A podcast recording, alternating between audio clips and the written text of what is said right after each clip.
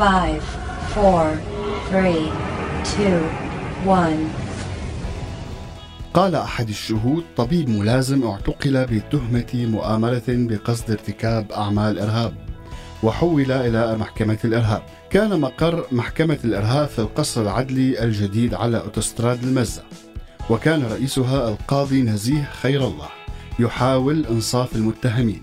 لكن النظام سرعان ما عين القاضي ميمون عز الدين بدلا عنه.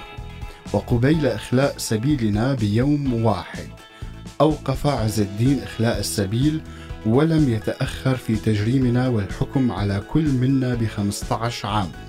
بعد أن أصدر أحكام إعدام ومؤبدات على متهمين حوكموا قبلنا في الجلسة ذاتها. وحين تقدم محامون بالطاعون انزعج القاضي الجديد وأرجى الجلسة لأكثر من ستة أشهر لكن عفوا هو الخامس من نوعه. شملنا بعد شهرين تقريبا لنخرج بعد ثلاثة سنوات وثلاثة أشهر من كل هذا الجحيم.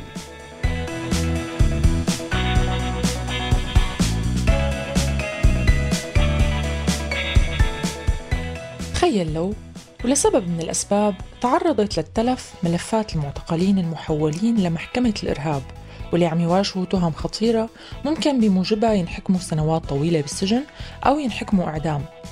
تخيل لو عشرات الآلاف من الأضابير والوثائق وضبوط التحقيق اختفت أو أتلفت أو احترقت. شو رح يصير بالمعتقلين؟ هل هذا الشيء ممكن يفتح الابواب لابتزاز جديد للمعتقلين وأهلهم؟ ولا بالعكس ممكن يكون فرصة للنجاة. وكيف ممكن المحكمة نفسها تتعامل مع هذا الوضع؟ تخيل لو احترقت أو أتلفت عشرات الآلاف من ملفات المعتقلين المحولين لمحكمة الإرهاب بعد الفاصل.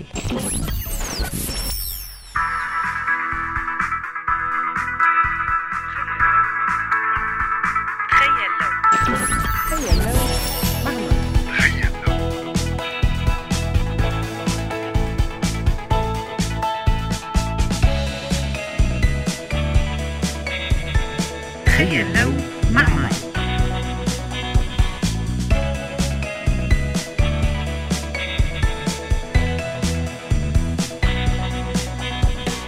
تخيل لو مع مايا على هوا سوريالي.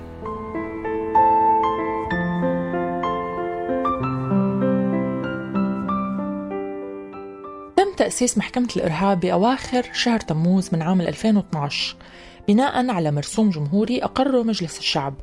وبنص المرسوم على عدة مواد منها المادة الأولى تحدث محكمة تختص بالنظر في قضايا الإرهاب مقرها دمشق ويجوز عند الضرورة إحداث أكثر من غرفة بقرار من مجلس القضاء الأعلى.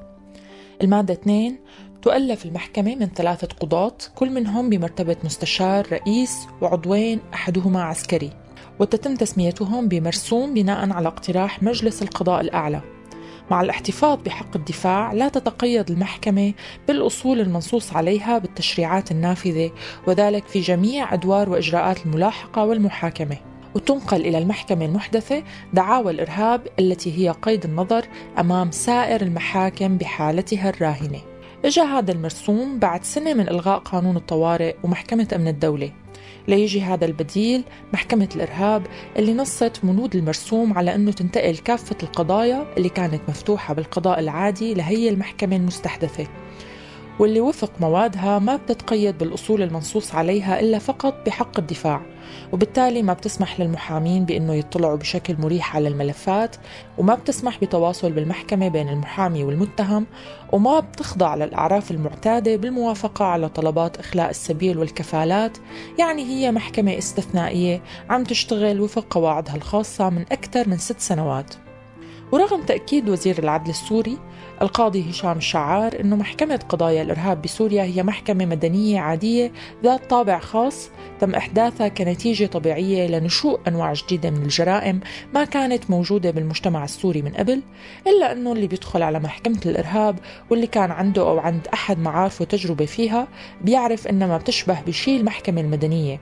إلا فيما يتعلق بعمليات الابتزاز الكبيرة اللي عم تطال المعتقلين وأهاليهم. بمحكمة الإرهاب تنفرض أنظمة صارمة وكأنها فرع أمني حسب مصادر مطلعة. بيخلي المحكمة بعيدة عن الأنظمة المتبعة بالمحاكم السورية بحيث أنها بتفرض قيود شديدة على المحامين تحت المساءلة الأمنية قبل كل شيء. خلال السنوات الماضية أحيل أكثر من 38 ألف معتقل لمحكمة الإرهاب. أخلت المحكمة سبيل وحكمت ببراءة نسبة لا تذكر ولا تتجاوز العشرة بالمية منهم. مع عدة أحكام إعدام ما تنفذ منها ولا حكم حتى الآن بخلاف المحاكم الميدانية. حاليا عم تشتغل المحكمة على إنجاز برنامج أتمتة محكمة قضايا الإرهاب بهدف تسريع إجراءات التقاضي وزيادة الشفافية بالعملية القضائية بالاستفادة من وسائل التقنية الحديثة حسب وزير العدل.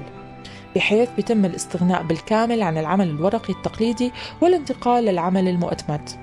وزير العدل كمان أعلن من فترة عن فكرة إنشاء محكمة إرهاب تانية بسبب صعوبة نقل الموقوفين من المحافظات البعيدة لدمشق وعم تتم دراسة إنشاء محكمة إرهاب بحمص أو بحلب. مع أتمتة الملفات اللي هلأ جارية قد يكون من المستبعد أنه تضيع المعلومات بشكل جماعي. لكن بنفس الوقت عملية الأتمتة بحد ذاتها ممكن أنها تحمل كثير من الفوضى. واستحداث محكمة إرهاب جديدة ونقل الملفات إلها كمان ممكن أنه يحمل كثير من الأخطاء البشرية. الشيء اللي مشابه للوقت اللي استحدثت فيه هي المحكمة ونقلت ملفات من المحاكم العسكرية والمدنية إلها واللي كمان اختفى جزء منها أو ضاع بحسب محامين كمان كانوا عم يترافعوا بقضايا بهداك الوقت. وبالتالي وارد أنه يصير في أخطاء على النطاق الضيق أو ممكن يصير في ضياع بحجم أكبر من خلال حادثة ما مثل ما صار بكتير من أماكن القيود الفردية والمصالح العقارية اللي احترقت وتعرضت للتخريب والتلف. لكن بحالة محكمة الإرهاب شو ممكن يصير إذا تعرضت الملفات لهذا الشيء؟ فاصل ومنرجع سؤال الحلقة. شو ممكن يصير في حال اختفت أو احترقت أو أتلفت ملفات الموقوفين والمعتقلين يلي عندهم قضايا بمحكمة الإرهاب؟ تخيل لو مع مايا. في حال تعرضت ملفات المعتقلين للتلف قد يكون هذا الشيء عن طريق الخطأ وقد يكون كمان مدبر. لفتح مجال جديد للابتزاز من ناحية ولفتح ثغرة بتسمح بالتحرك الإيجابي بملف المعتقلين. الشيء اللي كان ممكن أنه عفو يعمله لكن بدون الجانب اللي هو متعلق بالابتزاز. بحسب أحد المحامين المختصين بقضايا الإرهاب عادة لما بتتعرض ملفات ورقية للتلف بتقوم المؤسسة المعنية بتصميم آلية للترميم.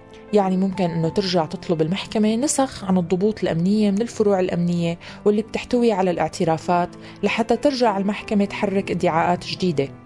هذا الباب إذا انفتح ممكن يؤدي لابتزاز كتير كبير للمعتقلين والمحامين وأهلهم بحيث أنه الضبط ممكن ينكتب من جديد بشكل ممكن أنه يصب بمصلحة المعتقل أو يكون ضده أكثر من قبل.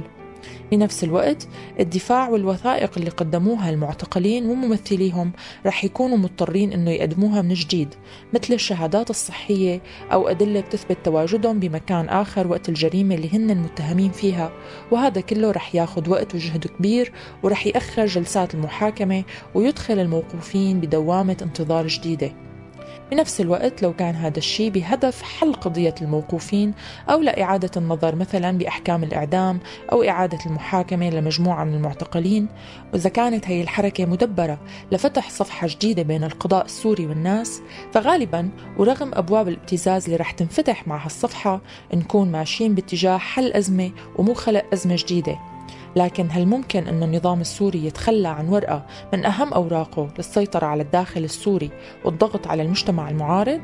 ممكن في حال الضغط عليه من قبل الروس ليقوم بهي الخطوة اللي قد يكون بديل عنها عفو حقيقي كمان أما في حال صار الموضوع بسبب خطأ وإهمال غير مقصود فغالبا ما رح يصب الموضوع ولا بشكل من الأشكال لمصلحة المعتقلين ويؤدي بالعكس لمزيد من الابتزاز والانتظار الطويل لحتى ترمم القضايا نفسها ويرجع تداولها بالمحكمة. فاصل ومنرجع. تخيل لو. تخيل لو. مع مايا. إتلاف الملفات ما تقنية غريبة بتتبع بالدول اللي عندها أشياء كتيرة تخبيها وبيحمل معه مجالات كتيرة للتلاعب وتغييب الحقيقة وخلط الأوراق. ممكن البعض أنه يشوفوا فيه حل لكن الحل الوحيد والحقيقي والناجع هو أنه السلطة القضائية تكون قادرة أنها تمارس حقها بحماية القانون باستقلالية وبأنها تكون الأعلى والأكثر نزاهة بين السلطات. بدل ما تكون لعبة بيد الأجهزة الأمنية والسلطة ليسيروها مثل ما بدهم ويستغنوا عنها أيمت ما بدهم. إلى اللقاء.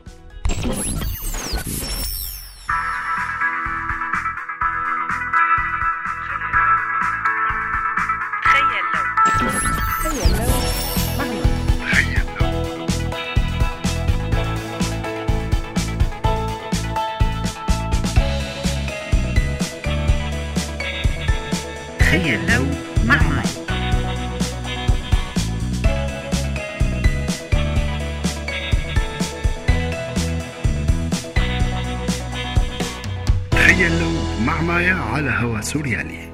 هذا البرنامج من إنتاج سوريالي 2018